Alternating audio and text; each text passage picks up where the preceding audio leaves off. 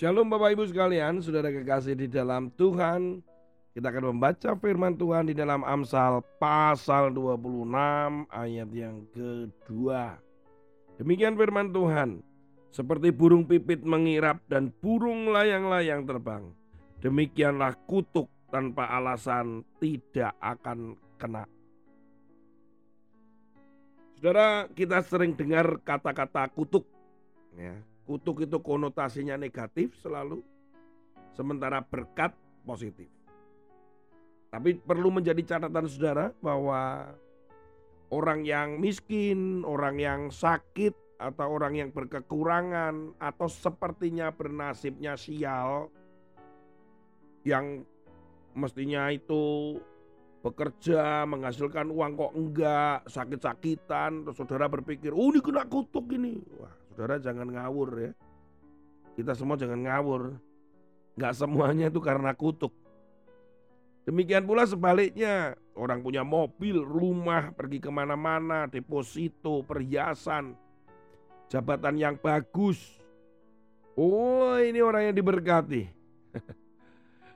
Berkat dan kutuk tidak bisa menggunakan indikator ya atau eh, tanda-tanda uh, pengukuran itu lewat harta atau materi. Tetapi yang jelas kata-kata kutuk itu adalah akibat. Kalau dikatakan penulis ada penulis lain mengatakan itu adalah auto hukuman. Orang yang melanggar, orang yang tidak mengikuti perintah Tuhan itu pelanggaran itu maka mendapatkan kutuk. Saudara yang kasih di dalam Tuhan, setidaknya tercatat ada 140 kali kata kutuk di perjanjian lama. Dalam 140 kali ayat itu atau kata kutuk maksud saya itu terdapat di 123 ayat berarti termasuk di Amsal pasal 26 ayat 2 tadi. Ada pertanyaan yang menarik. Pertama kali, apakah Tuhan itu mengutuk manusia? Nah itu. Ketika di Taman Eden, jawabannya tidak. Tuhan tidak pernah mengutuk manusia pertama kali. Bahkan Tuhan juga tidak mengutuk Adam. Yang Tuhan kutuk pertama kali adalah ular. Saudara lihat nanti di kejadian pasal 3 ayat 14. Kedua yang dikutuk adalah tanah. Kemudian yang ketiga baru Tuhan itu mengutuk tapi bukan Adam, mengutuk Kain karena membunuh Habil. Saudara, manusia pertama yang mengutuk ya, manusia mengutuk manusia yaitu adalah Nuh. Bagaimana Nuh mengutuk Ham? Anak keduanya yang melihat Nuh telanjang. Saudara kemudian Ham menceritakan itu kepada kedua saudaranya. Sebenarnya ketika telanjang itu di dalam bahasa dan pengertiannya itu si Ham ini mempermainkan alat kelaminnya si Nuh. Jadi bukan hanya sekedar melihat saudara. Jadi benar-benar kurang ajar ini. Sehingga nggak heran Nuh itu mengutuki Ham. Dan akibatnya sampai sekarang loh saudara bayangin. Nah saudara bagaimana kalau kita dikutuk? Waduh saudara bagaimana kalau kita dikutuk orang? Ini adalah hal yang kadang sering ditanyakan. Pak Tony kalau saya ini dikutuk orang terus apakah kutuk itu itu berlaku untuk saya ya?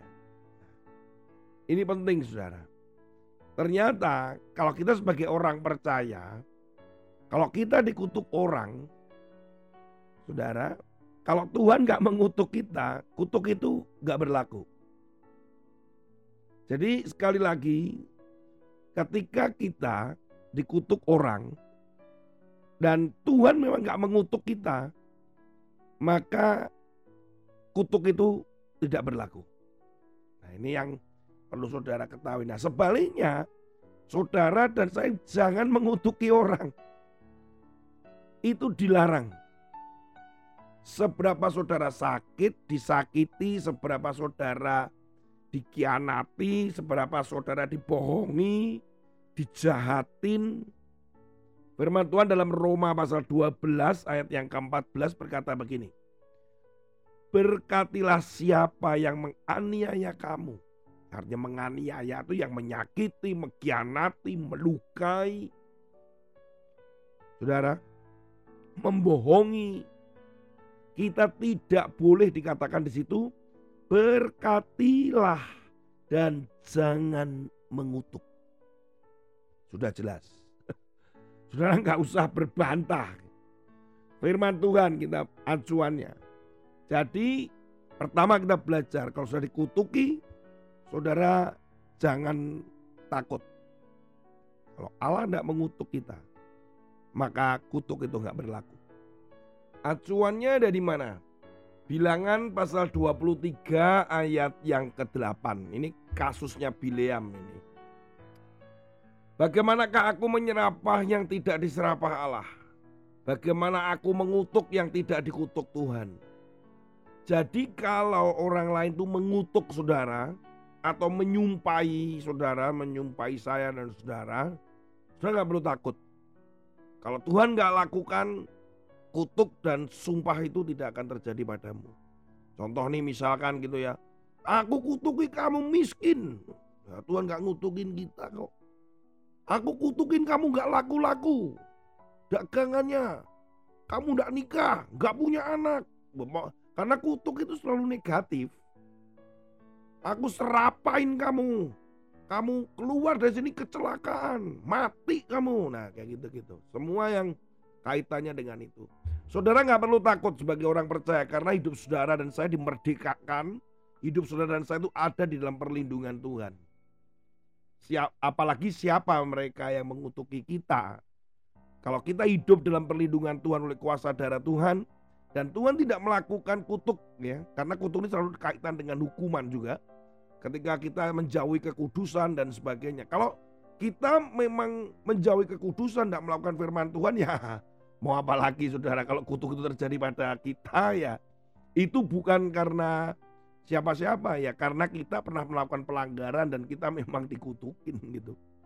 Ya sudah kasih dalam Tuhan ayo kita belajar. Yang pertama jangan takut ketika dikutukin. Yang kedua apa pun bagaimanapun keadaan kita jangan sekali-sekali kita mengutuki orang yang menyakiti kita yang jahat sama kita.